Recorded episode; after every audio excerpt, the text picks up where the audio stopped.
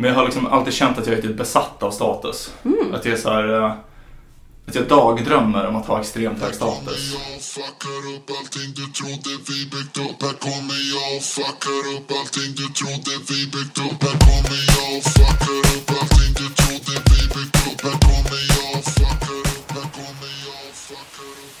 Hej och välkomna till eh, podcasten Om och Men. Där vi reder ut det ni tycker är krångligt och krånglar till det ni trodde var utrett.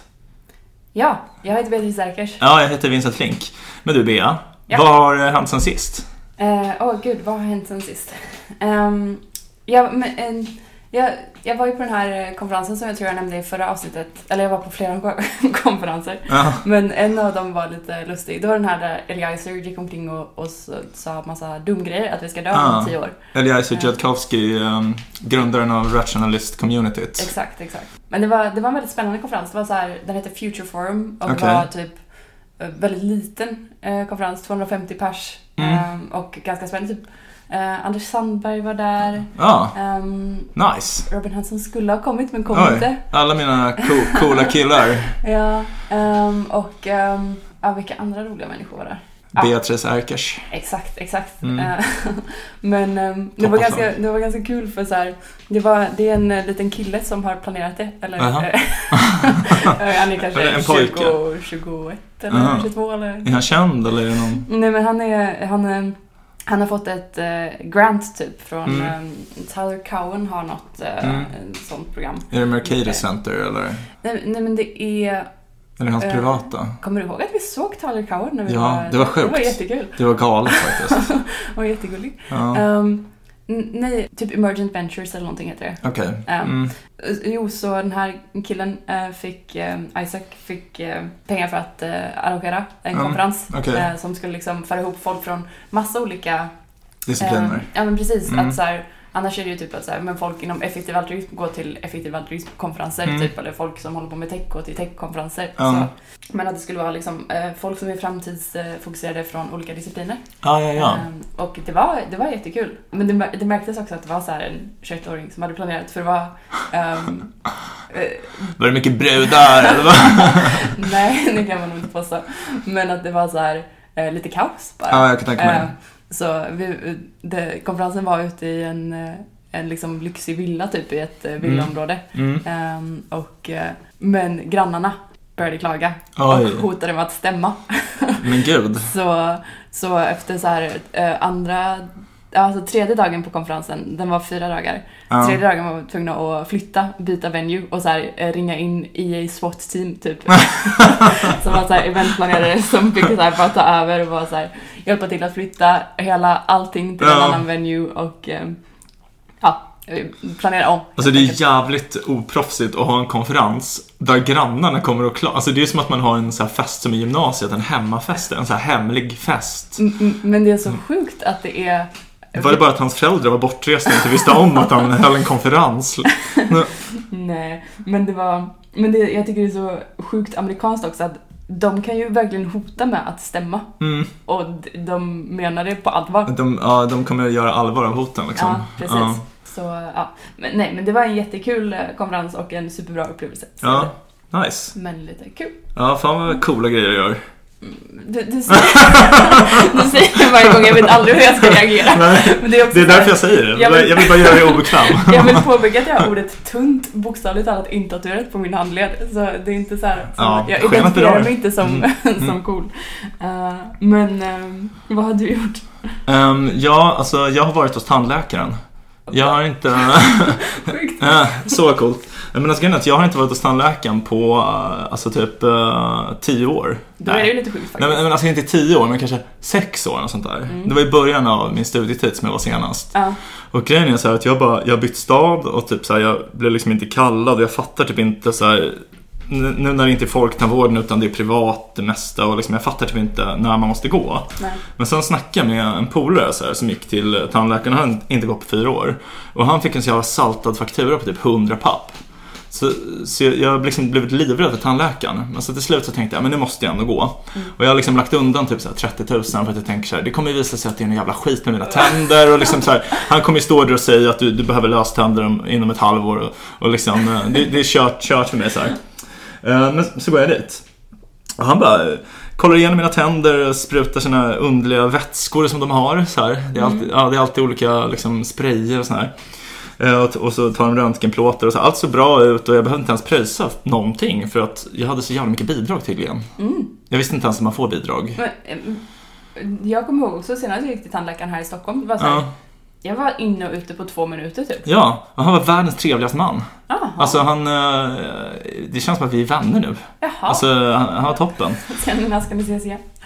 Nästa år när han kallar mig. Men en grej dock som gjorde mig lite irriterad. Det är att här, jag dricker extremt mycket lightläsk. Jag tror att det är en sak vi har gemensamt. Bea sitter nu och avnjuter en Trocadero Zero i långburk.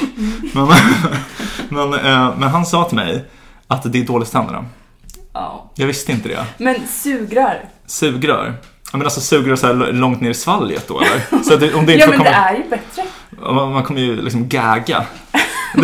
du behöver inte Sitter och spyr bara för att få en fix av Trocadero. Men, Nej men för, för grejen var så här, men jag var så här, men det är inte socker, det är ju inte kariesbildande liksom. Och han var så här, nej men det är, det är annan syra i. Eh, och det var så här, räknade upp olika läsksorter. Så här, jag bara, med Fanta, och det var så här, citronsyra. Och jag så här, eh, Pepsi, han bara, fosforsyra. Så jag räknade upp eh, Trocadero, så här, han bara, "Ah, bla bla bla bla bla, syra. Så, här. så han hade ett svar på allt, så att, eh, det blir ingen mer läsk för mig. Aha, men jag har ju sett dig dricka en läsk idag. Äh, Det där det kan, du, det kan du inte bevisa. Nej men alltså, det, en grej som stör mig med tandläkare det är liksom så att varför är det inte vi som gör det här? Varför är det inte läkarna som gör munsaker? Varför finns det en, en särskild typ av läkare för just det organsystemet? Ja, varför? Jag, jag, vet inte, det stör mig bara. Är det inte, är det inte skönt att slippa någonting då? Jo, fast jag vill liksom ha den här, um, alltså att folk frågar mig om det. Så här, jag, jag, jag tycker om när, när, när man är läkare man får liksom som en egoboost när folk ställer frågor till en så här. Att det är typ såhär, ah, men jag har några problem med knät typ. Och då kan man dra till med något bara, du kanske har artros eller blablabla." Men just när det kommer till tänder så är man liksom lika dum som alla andra. Jag känner mig som en jävla mugglare liksom när folk pratar om det. Va? Jag, jag har också alltid tänkt att, att ni tycker att det är jobbigt när folk frågar er om saker. Ja men det är det, det, är det vi säger. Men, men jag tror egentligen att alla läkare tycker att det är ganska kul. Ah. Man känns som en king. Mm, ja, Mm. du känner att du har status? Exakt. Ja, du avslöjade min segway här till ämnet för eh, dagens podcast. Eh, vi ska ju prata om status då. Eh, Ja. Eller hur? Mm. Och jag tänker att vårt samtal kommer utgå lite från det förra avsnittet. Så att det är så här, ni måste inte lyssna på det, men eh, det, det är kanske softast om ni, om ni gör det. Men, men det, det jag kan säga är att eh, vi har läst en bok då som heter The Secret to Our Success av eh, Joe Henrik. Eh, och i korthet kan man säga typ att den boken handlar om att eh, människor har liksom lyckats evolutionärt på grund av vår förmåga till kulturell inlärning. Och det, det vi ska svara på i, i, den här, i det här avsnittet tänkte vi då, det är liksom hur vet vi vem vi ska dra lärdom av? Så här, hur vet vi vem vi ska göra likadant som? Och eh, då lanserar eh, Henrik då det här begreppet status. Eh, så det skriver han väldigt mycket om i, eh, i boken. Ja, och att det finns huvudsakligen två former som, Mm. av status. typ. Exakt. Och det är dominans versus prestige. Ja, Eh, och att eh, ja, men, dominans är ett sätt att, att skapa status för att man får andra att så här, känna sig, sig rädda. Eh, Mm. och att man kan liksom hota att ja, men, skada den andra Mm. på, på något sätt. Medan prestige då är att folk eh, söker sig till personen för Mm. att den har någon sorts social prestigestatus. Jag, jag vet inte exakt vad han... Eh, men han menar ju typ så att alltså, status finns i typ alla djurarter. Alltså eh, primater och liksom hominider, tidigare människoformer, alla har haft dominansstrukturer. För att det finns ju alltid liksom en som är starkast eller en grupp av män som är de starkaste. Och de aktar man sig för och så här, de, de får sin vilja igenom genom att skrämma andra så här. Så att det är liksom apstatus. Men sen har vi människor utvecklat prestige som är så här att ingen är rädd för någon som har prestige. Det är typ så här, jag vet inte, jag är inte typ rädd för Angelina Jolie. Så här, hon är liksom hög status, hon är liksom en kändis, så här, folk lyssnar när hon pratar. Men det är, inte, det är inte som att jag är rädd för att hon ska skada mig typ. nej. Men det är liksom att folk tar ändå efter henne då, så här, framförallt kvinnor då kanske, tar efter henne för att Ja men man ser att hon har hög prestige och man tänker att om jag blir mer som hon så kommer folk tänka att jag också har hög status. Mm. Och att det är det som är, om inte unikt så åtminstone väldigt utmärkande för människor. Att vi har den här andra typen av status. Mm. Ja, det tyckte jag var väldigt intressant. Ja, men precis. Men så man, man kan väl tänka typ att så här, man kan få status genom olika sorters beteenden då. Mm. Eh, som leder till liksom att man antingen försöker skaffa sig prestigestatus eller dominansstatus. Mm. Och med den statusen så kan man få andra, tillgång till andra resurser eller, eller liksom benefits. Och som Mm. typ parning, Ja, eh, mat eller eh, frihet eller social kontroll. parning. Jävla sjukt, sjukt att kalla det det. Men, ja, men visst. Förökning om jag får be. Sorry. ja. Nej, exakt, man får liksom många evolutionära fördelar av statusen då. Ja men precis. Ja. Så, så därför så försöker man skaffa sig status på olika sätt. Mm. Eh, men, exakt, men det bara för att illustrera lite så här, skillnaden då mellan eh, dominans och prestige. Så han har gjort en eh, liten lista typ, där han delar in skillnaderna. Så typ, eh, han har visat typ att folk som har lägre status, de, så här, i förhållande till folk som har hög dominans, eh, så typ, vill man, man vill inte titta på dem. Man vill liksom undvika, undvika dem, men man vill ändå liksom lite hålla koll på vad de gör för att man är rädd för att bli straffad av dem. Mm. Så här. Och med folk som har um, hög prestige så vill man tvärtom så här, hela tiden titta på dem. Så här, möta deras blick och typ man vill att de ska titta på en. Mm. Så sen när, när folk med hög prestige tittar på en så blir man glad Mm. och känner sig sedd. Men när folk med hög dominans tittar på en så, så blir man rädd och så Mm. tittar bort typ. Det tyckte jag var ganska kul. Man, alltså, man känner igen det väldigt mycket, Mm. eller hur? Själv. Så här, man har ju träffat båda de, de här typerna av människor. Ja. Så här. ja, men verkligen så här. eh, Och att man känner sig så... Kan få så extremt mycket energi av att man upp- upplever att en prestigefylld person liksom Ja. tilltalar en eller interagerar med en. Verkligen. Och, och även liksom så här hur de, hur, alltså så här vilken typ av beteende de gör för att befästa sin status. Att typ folk som har hög dominans, alltså att de typ eh, stirrar på folk, typ för att de ska bli rädda. Mm. Så ofta stirrar medan de, pra- medan de själva pratar, så det, är ganska obehagligt att göra. Typ. Mm. Eh, men också typ att man eh, hela tiden klankar ner på folk. Typ så driver med folk, försöker förnedra dem genom att reta dem. Så här. Eh, Medan folk som har mycket prestige typ så ofta drar skämt på sin egen bekostnad snarare. Mm. Och typ, eh, ja, men eh, liksom tittar ungefär lika mycket som alla andra och typ att man har en lite annan kroppshållning. Det är inte så att man typ står med armarna långt ut från kroppen, typ folk som vill visa sig dominant och farlig, utan man, man sitter mer normalt som alla andra typ. Ja, och prestigefyllda människor brukar vara socialt kompetenta, snälla. Ja, eller, jag tänker det också. eller det, han skrev det i alla fall, typ, Ja. och att, eh, att de är sociala. Ja, Okej, okej. Um, Ja, det var, kan- var ett, ett begrepp, eller pro-social typ skrev han. ja. Eh, och att det var en så här, han menar att det var en win-win situation för att Mm. ehm, det ledde, om de är, om de precis, att det är evolutionärt fördelmässigt liksom att så här, de som har hög status är, gillar att samarbeta och är sociala Ja, ja, för att då gynnar det, när andra härmar det beteendet, att det gynnar cooperation liksom. Rimligt. Så, Men och att det är typ så här, det som är det liksom lite underliga kanske med status, det är typ att det är liksom man vill göra som de som har hög status, inte som de som är bäst på att göra något. mm, Så att det är typ så här, ja men typ som i Sverige så gick det väldigt länge en reklam för Volvo där Zlatan Ibrahimovic gick runt, jag vet inte om du minns? Zlatan gick runt i en vit jacka från Acne, gick in något snölandskap och sen var det typ en bil som åkte runt. Jag vet att jag tyckte att den var mäktig. Ja, man tycker det var mäktigt, men det är bara för att man tycker att Zlatan är cool. Så här. Han bara, jag vill leva, jag vill dö i Sverige.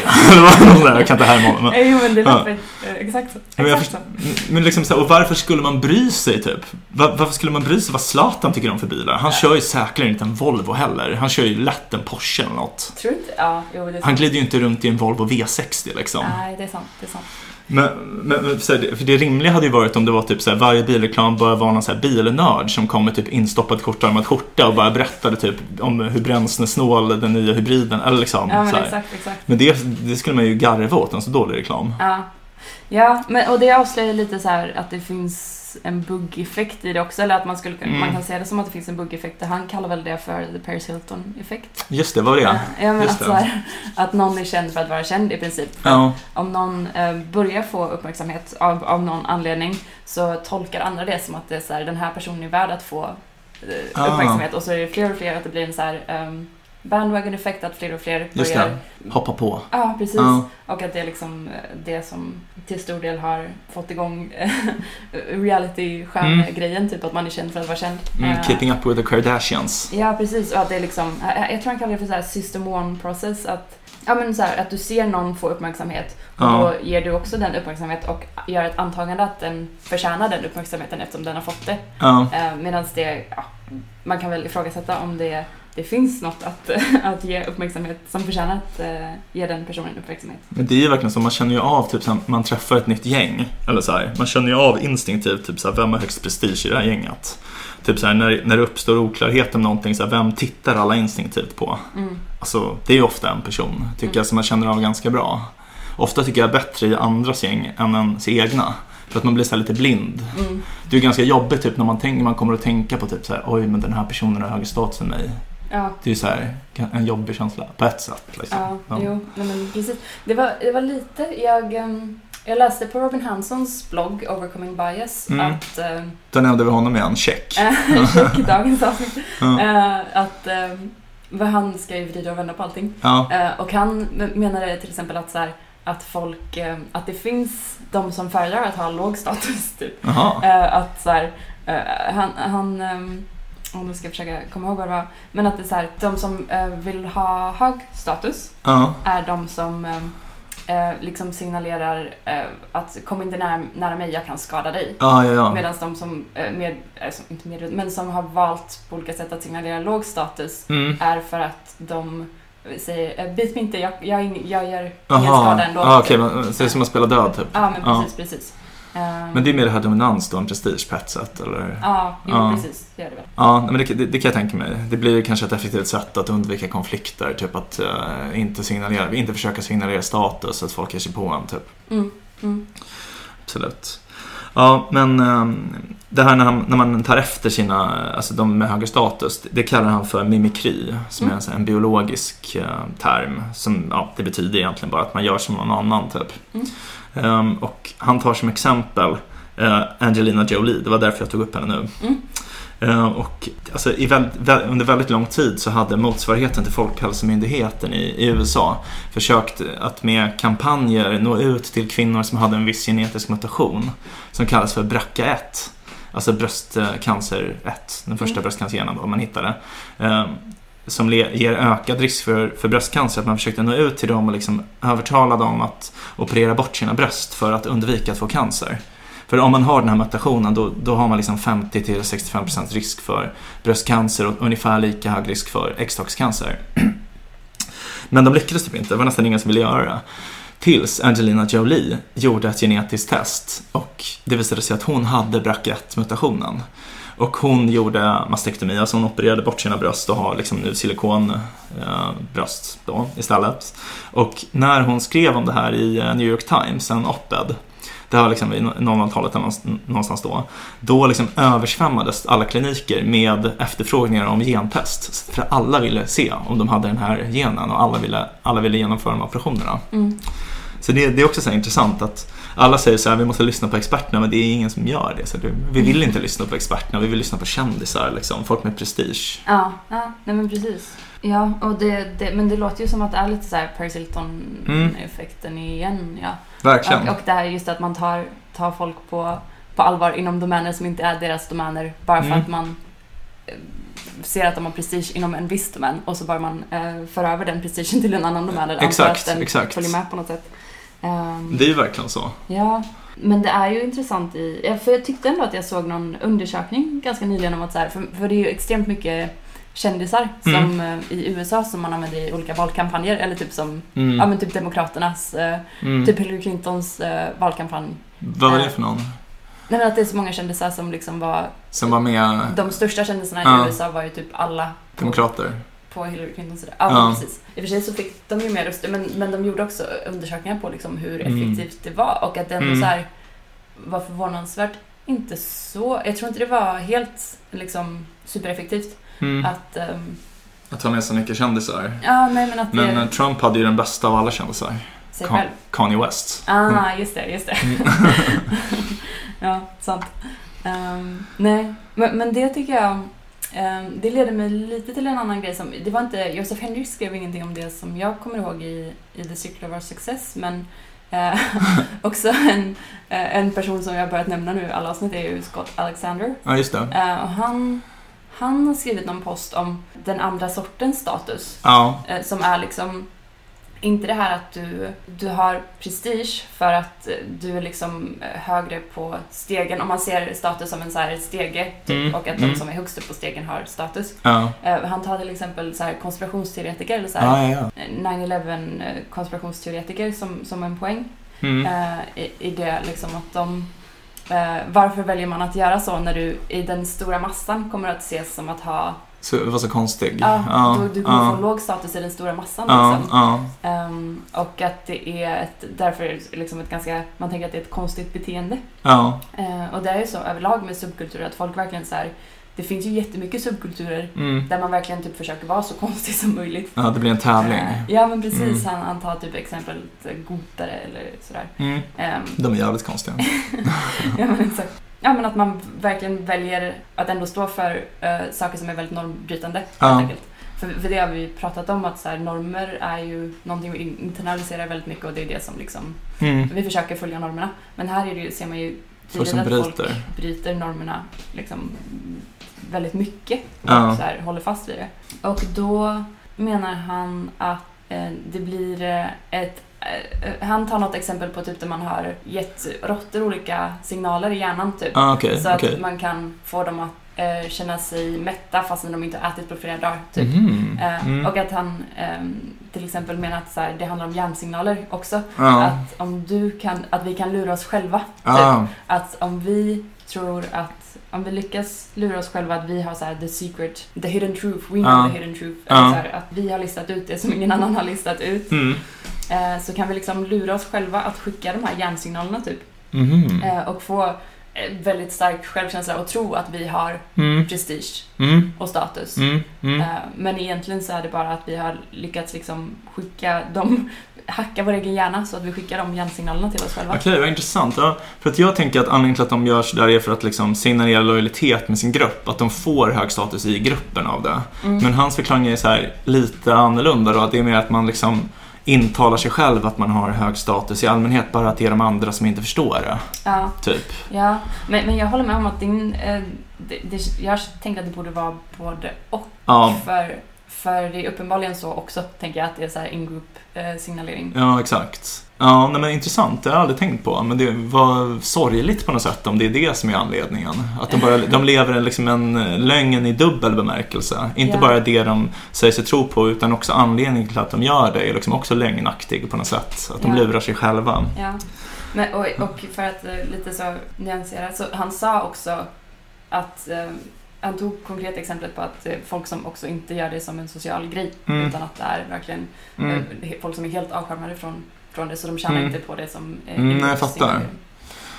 Men- Folk som bor ensamma i skogen och har liksom folie i fönstren. Typ. Exakt. Ja, ja, De tänker att de har listat ut det. ja. Eh, Sjukt. Ja. Överlag tycker jag att det är väldigt, väldigt spännande med eh, status i förhållande till grupper, eller just hur klickigt det är. Typ. Mm. Jag tänker på NFT-världen som Ja. ett superintressant exempel på det. Mm. För där är det så här väldigt, eh, det är många, man släpper olika kolle- NFT-kollektioner. Ja, just Och det. det är så här, det är Kan du verkligen- inte förklara vad NFT är? Jag tror Ja. inte alla vet vad det är. Ja, ehm, så eh, non-fungible token, att det är en, ehm, det, kan till, det är en fil som man kan ha en unik fil på en blockkedja. Ja, Eh, så till exempel då en JPEG som ett Just det. konstverk. En då- bild. Ja, Ja, exakt. mm. Precis. Och då kan du äga exakt den här Mm. filen. Så det är att du kan liksom ehm, äga någonting i cyberrymden som Mm. är specifikt den, Mm. exakt den filen. Så då, och då har man ju börjat sälja konst väldigt mycket Mm. som, i NFT-format. Mm. Och på Twitter så är det liksom galet med hur många olika subkulturer som finns inom Mm. eh, NF NFT-världen. Och att det är så här, men det är Miladies, Mm. en, en eh, serie nu. Eh, eller så här Fugbirds eller ja, massa olika sådana memes typ eller fast food, eh, vad, ja, ja. Snabbmatskedjor. Ja, eller. CryptoPunks och grejer. Ja, Ehm, jag känner inte igen något av det här. Ja, nej, nej men precis. Det är exakt det som är grejen. Ja. Att det är inom de här grupperna så är det så extremt liksom, man vet exakt vilken som har den dyraste NFTn typ och du kan verkligen köpa dig status genom att så här, om Mm. du har köpt en av de dyrare NFTerna så har du tillgång till, du kan få tillgång till så här olika sociala, Ah, eh, du kanske har tillgång till en ja. Discord, eh, alltså ett, chatt, ett sorts chattrum. Det. Ehm, och, eh, och att så här, NFT överlag är ett superintressant koncept i att ja men det får vi prata om någon annan gång kanske, Mm. men konst överlag är ett jätteintressant sätt att så här, eh, signalera Mm. vad man, eh, att köpa sig status. Mm, verkligen. Det borde vi verkligen ha ett avsnitt om någon Ja, gång. ja. Men um, ja, intressant det där med NFTs. Alltså jag, jag är liksom inte alls insatt i det, men jag var med om, eh, nu i helgen så var jag ute på landet med, med några kompisar. Mm. Och en av dem, en tjej som började snacka om typ att, uh, alltså hon, hon är så himla rolig, men hon, hon började snacka om att hon har en kompis som har köpt ett par skor. Och varje gång man går med skorna så får man 500 kronor typ. Så här, varje dag kan man få 500 kronor om man har de här skorna typ. Va? Eh, Och att man sen kan sälja skorna för typ 20 000. Va? Och jag fattade typ så här flera minuter in i berättelsen att det här var några NFTs typ. En NFT av en sko typ. Va? Så på, på något sätt så är det typ att den det är också en stegräknare kopplad till det här typ. Som sen när man har gått ett visst antal steg så får man pengar liksom. Vad, vad är det för märke då? Det Eh, jag vet inte. Jag, jag, jag tror inte att hon visste heller. Alltså, det, det var liksom, hon hade någon, alltså, precis som jag har dig så hade hon någon kompis som kan saker om NFTs. Men alltså, det, jag, alltså när jag förklarar det saker, de sakerna du säger till mig så är det lika obegripligt. Mm. För att det är som man inget att hänga upp det på typ. Ja, nej, nej, det är klart. Men eh, ja, intressant värld. Ja, men överlag så är ju subkultur lustiga på det Mm. sättet. Verkligen. Ja, men eh, ska vi gå igenom lite mer som han har skrivit om, Ja. om status? Alltså, Henrik tar ju liksom, jag tror faktiskt att vi kanske till och med nämnde det i förra avsnittet, men han, han tar som um, en förklaring till vår kulturella framgång är liksom att människor lever långt efter menopaus. Alltså menopaus är när man slutar få mens då, jag vet inte om alla vet det. Men alltså att kvinnor lever liksom 30 år efter att de slutar få mens ofta. Och anledningen är typ att de, då hinner de leva så länge så att de kan liksom lära sig mycket kulturell kunskap och liksom lära vidare till yngre personer. Och det här liksom, eh, ja men de kvinnorna får ofta hög status. Alltså så typ i familjer ser du ofta typ en äldre kvinna som så här kan lära ut mycket och bestämma sig hur man ska göra vissa saker. Typ så här, vem ska få prata hur mycket när, när det är en middag? Och typ så, alltså du fattar så här Mm, mm. saker som funkar. Och så, I min familj är det, är det verkligen så att typ, min, min mormor har ganska hög status skulle jag säga. Mm, Typ. mm. Eh, och de... Alltså så här, det, det är ganska ovanligt att arter har långa liv efter menopaus. Men det finns ett exempel som man tar upp som, på en art som har långa postmenopausala liv och det är späckhuggare. Mm. Ehm, och då tänker man sig att om de har det, om eh, långa postmenopausala liv är liksom en genetisk anpassning för att förbättra kulturell inlärning, då borde man ju förvänta sig att man ser liknande mönster hos späckhuggare som man ser bland människor. Och mycket riktigt gör man det. Så att det är så här, bland späckhuggare så finns det jättestor kulturell variation. De jagar på jätteolika sätt och de liksom fördelar bytet på jätteolika sätt. Och det är ofta så kvinnor som är bärare av den här kunskapen. Så här, som lär ut till sina döttrar. Liksom. Mm. Typ hur man eh, eh, stjäl fisk av trålfartyg. Eh, och typ hur man eh, lurar torskar till att liksom simma ihop till en klunga så man kan äta upp dem. Mm. Jag tyckte det var ganska kul Mm. att det här inte är liksom unikt eh, för, för människor då, som vi kanske råkade säga förra avsnittet. Men jag vet inte. Eh, ja, men jag tror jag sa också, typ, jag tror jag sa valar och... Ja just det, det sa du kanske ja. Ja, det är något med djur. Elefanter. Elefanter, just det. Ja, just det. Kan hitta vatten. Ja. Ja, nej men det är väldigt um, lustigt. Men just att äldre generellt sett brukar ha högre status på grund av att de har, Mm, ja, får, får prestige genom att Mm. de har kunskaper som vi behöver. exakt. Eh, För det finns så många olika sätt tycker jag att så här, eh, få, Mm. försöka få status på. Verkligen. Eh, som är liksom, um, mode är en, en sån grej till exempel som ju är Kläder typ. Ja, men precis, precis. Att det är ett väldigt lustigt koncept på många sätt. Eller många Mm. tycker att mode är extremt irrationellt, typ. Mm. Eh, och det, det kan vi ju ehm, prata om, Mm. eller det har vi väl säkert benämnt att så här, ja, men rationalitet kanske inte är alltid det som vinner i, i Nej, praktiken. verkligen, verkligen. Eh, och att det är så som det är med, med mode, till exempel att så här, ja, typ att så här, rika människor, F. Scott Fitzgerald tror jag, han som skrev Mm. The Great Gatsby, har Mm. pratat om det, typ att så här, ehm, de, de som har så old money Ja, vill vara på hitta sätt att skilja sig från de som har new money, Ja. alltså Novorish-människorna. Eh, och då, sättet de har gjort det på eh, är liksom att så här, medan Novorish-människorna kanske så här, mm. eh, försöker som man gjorde på medeltiden. På medeltiden var det ju lite lättare för kungligheter att sär- särskilja sig från Mm. pöbeln för att pöbeln hade inte tillgång till ehm, fina tyger. nej, exakt. Hermelinpäls. Exakt.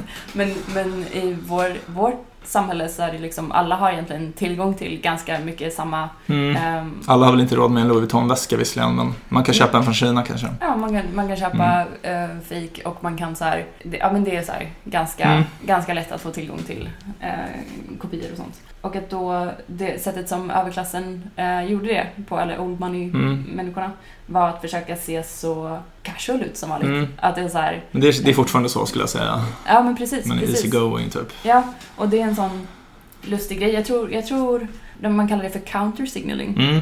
Eh, så motsignalering typ. Och att det, att det, det dyker upp särskilt i mode då.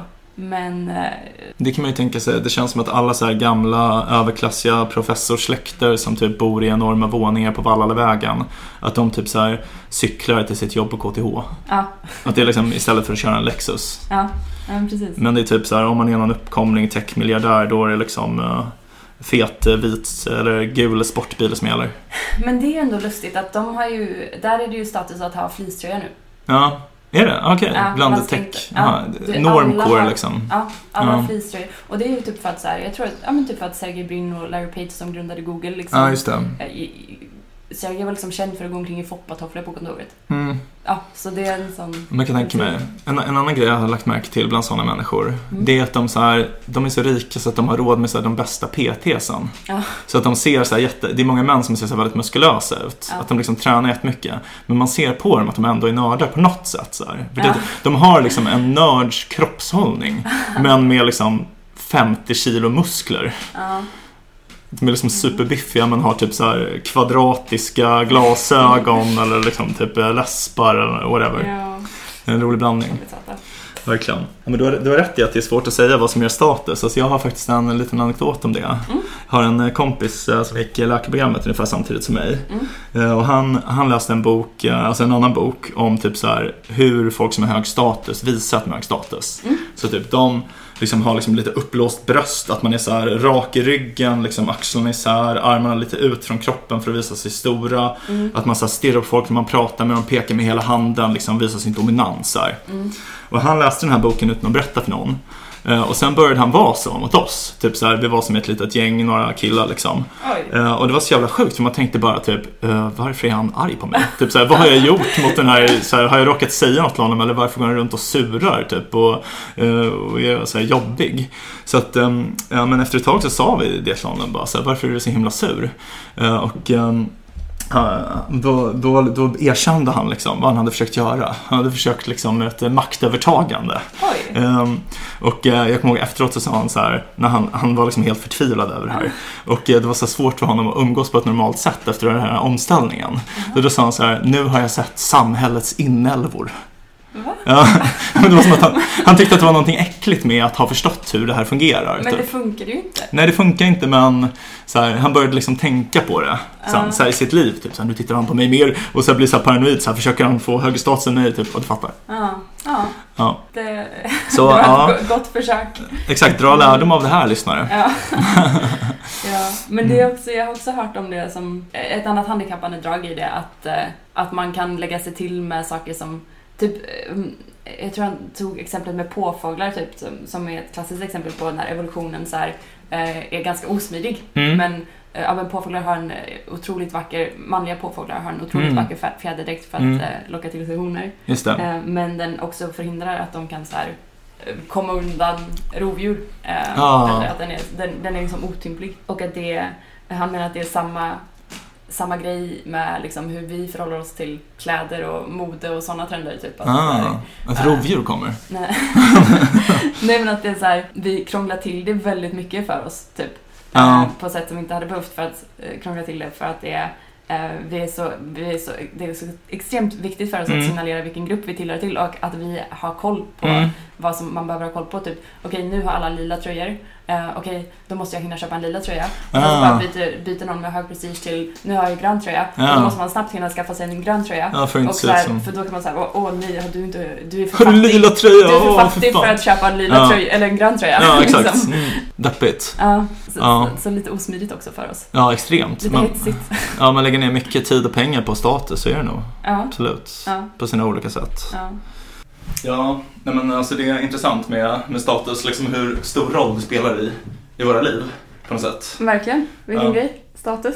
Ja, exakt.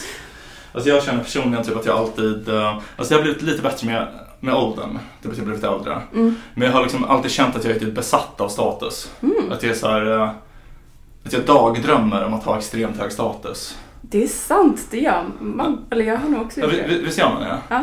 Alltså att man typ, när jag var liten så brukade jag alltid sitta och typ så drömma om att människor skulle typ ställa sig i kö för att komma fram till mig och ställa frågor till mig. Oj! Och att jag skulle besvara alla frågor för att jag skulle så veta allt, svara på alla problem och typ hjälpa alla människor. Ja, Wow, vilken rolig... Det är som att du vill vara den här superdatorn i Lyftarens guide till galaxen. exakt. Att liksom alla skulle vända sig till mig för, för att få svaren på sina problem. Ja. Ehm, och ehm, jag har typ alltid liksom tänkt att det är så lite pinsamt att tänka så. Mm. Men sen, en, en av mina favoritförfattare heter Olof Lagercrantz. Ja. Och jag, när jag läste hans um, självbiografi, Min första krets, första Mm. gången, eh, det är typ tio år sedan nu, eh, då finns det en passage i den där han beskriver exakt samma sak. Eh, och jag tycker att den är sjukt rolig. För att han, liksom, han erkänner alla de här dagdrömmarna han haft. Och jag har med mig den här boken här. Så jag tänkte läsa högt ur den. Ja. Det är ett stycke som jag tycker är väldigt roligt. Det här handlar då, alltså det utspelar sig när han är ja, men omkring 12. Alla drömmar var lika. Jag var en hjälte vars segrar slår världen med häpnad. Jag triumferade som idrottsman, som fältherre, som industribaron, som författare och som Jesus. Jag drömde om att jag botade sjuka och ryktet spred sig världen över. Från alla håll kom människor och bönföll om min hjälp och jag sträckte ut välsignade händer. Blinda såg och lama gick. Och sen fortsätter han bara. Wow. det är till och med värre än mina. Mina dagdrömmar har nog mest varit såhär, åh jag är filmstjärna. Ja. Eller uh, Mm. sådana grejer. Det vill man också vara, men man vill liksom kunna allt. Eller så här, det tänker jag är Mm. den vanliga dagdrömmen. Mm. Ja, Mm. visst. Ehm, ett sista litet, bara så här, en avstickare. Mm. är eh, en, en liten sak som är intressant i form av status är inom akademin tycker jag. Mm. För att det är, där är det ju väldigt mycket status eh, överlag, alltså som, som kan bygga ens karriär känns som. Ja, verkligen. Eh, men det är inga, inte mycket pengar alls Nej, nej. som det handlar om. Gud nej. Ehm, Man har ju inte råd att bli doktorand numera. verkligen inte. Ja, nej men det var en avstickare. Um, ja, nej men jag har nog som sagt också mest dagdrömt om, eh, om att bli filmstjärna, ridstjärna. Ridstjärna? Ja. Är, det, är, det, är det liksom en sport då? Typ, som Ja, man- ja, hästhoppning typ. Ja. Hoppa över hinder? O, vinna OS och sådana grejer. Ja, Eh, okej. ja. Alltså, jag, jag vet verkligen ingenting om hästar, men jag har förstått att de som rider hästar professionellt är extremt lätta. Att de, de är så små män. Jockey, heter det inte jockey?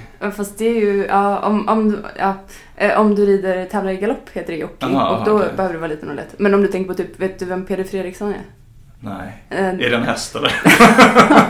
Nej, men det är han som har, han vann eh, OS-guld nu med laget. Ah, Eh, okej. Och vann han individuellt också? Är det ett lag av hästar? Nej, men, ja men alltså Ja. svenska ho- i hopplandslaget.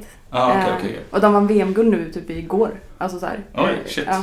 Så de är, och han är världens, han är den som är rankad etta i världen just nu. På hoppa, Eh, liksom. Ja, Det känns lite som att Peder tar åt sig äran dock från sin häst. För jag menar, det är ju inte Peder som hoppar. Men Peder, Peder gör inte det för Peder är jätte, han är jätteödmjuk och, Ja, och bra. Men han är typ en Vi har ett fangirl där borta. Han är typ 1,90 lång. Alltså, så, jag så det är inte så, för det är faktiskt en fördel um, i många, alltså såklart inte inom jockey för då är det ju så här, du, då är målet att galoppera så snabbt som möjligt. Men om du rider typ dressyr eller hoppning så är det så här, som man hade ju väldigt mycket mer muskler ofta Ah, som okej. du kan kontrollera hästen med. Ja, jag Medan jag som kanske är lite mindre kvinna har lite svårare ja. att samla upp hästen. Liksom. Ja, jag förstår. Ja. Det finns hopp för mig också. Absolut. Ja. Det här var en avstickare. Ja, men varför inte? Men, ja. Men hur, um, hur har din liksom, syn på status i livet uh, förändrats då? Ehm, ja, alltså jag vet inte. Det var väl typ, när man var riktigt liten så var det ju liksom ganska hög status att bara typ kunna slåss. Alltså typ många små killar eh, tycker om att brottas och slåss typ. Ja. Och då var det ju coolt att vinna alla slagsmål. Eh, och det tycker man ju inte längre. Nu tycker man ju att det är sjukt pinsamt med folk som slåss liksom. Ja. Så mm, ja, det är väl lite av en förändring. Men Mm. jag tycker fortfarande att det är liksom en liten röd tråd. Att så här, det jag typ har eh, beundrat större delen av mitt liv är ändå typ så här intellekt och originalitet. Typ. Ah. Och det är ju ändå typ det jag fortfarande tycker är så här väldigt häftigt och blir väldigt imponerad av. Mm. Kanske ärlighet också. Mm. Ja. Du då? Men jag har nog beundrat liksom... Häst. Eh, men när folk är bra på saker, bara Ja. överlag liksom så här skills typ. Ja, jag håller med. Jag håller med. Eh, och, ehm, och sen så, så här, det är ju lite kul att tänka på saker som man har tyckt varit coolt Mm. och har varit status genom åren. Mm. Alltså typ så här, som, jag tror vi pratade om det någon gång, typ så här högstadiet. Mm. Vad, man, vad man tyckte var coolt och status på högstadiet. Ja, exakt. Och att det var en sån där, alltså typ, jag, jag är uppvuxen på liksom landet och gick på en sån här eh, lantisskola. ja. Eh, och det var så här, moppepojkarna var ascoola. De som liksom. hade mopeder. Ja, och det var väldigt så stor skillnad på vilka mopeder man skulle ha. Man skulle inte ha så här tjejvespa typ. Eh, utan man skulle ha en crossmoppe. ja, ja såklart. Trimmad. Sen, ja. Mm. Och sen så eh, när jag eh, hängde med eh, en person från Lidingö, Mm. då var det tvärtom. Då skulle man ha, eller det fanns typ, ingen hade crossmoppar, eller det var typ bönderna som, ja, Ja. uppenbarligen, som hade crossmoppar man skulle ha så här vespa-moppe. Ja, ja.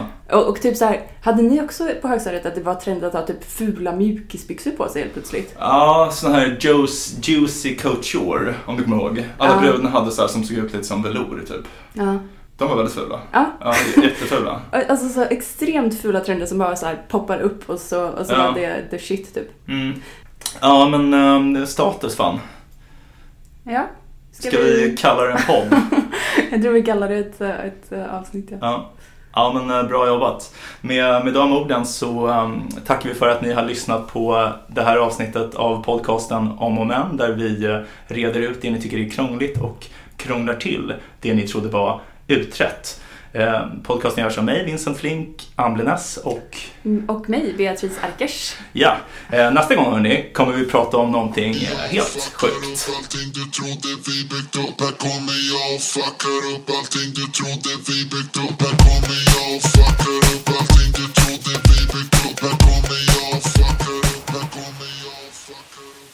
Du har lyssnat på ett avsnitt av podcasten Om och Män med Beatrice Erkers och med mig, Vincent Flink Amblenäs. Vi har en mejladress, omochmän.gmail.com om och men gmail.com. Hör gärna av er om ni har några förslag på ämnen vi kan ta upp i podden eller om ni undrar något. Vi kommer att svara på alla mejl. Tack för att du har lyssnat. Vi hoppas att du vill lyssna även på nästa avsnitt som kommer på måndag.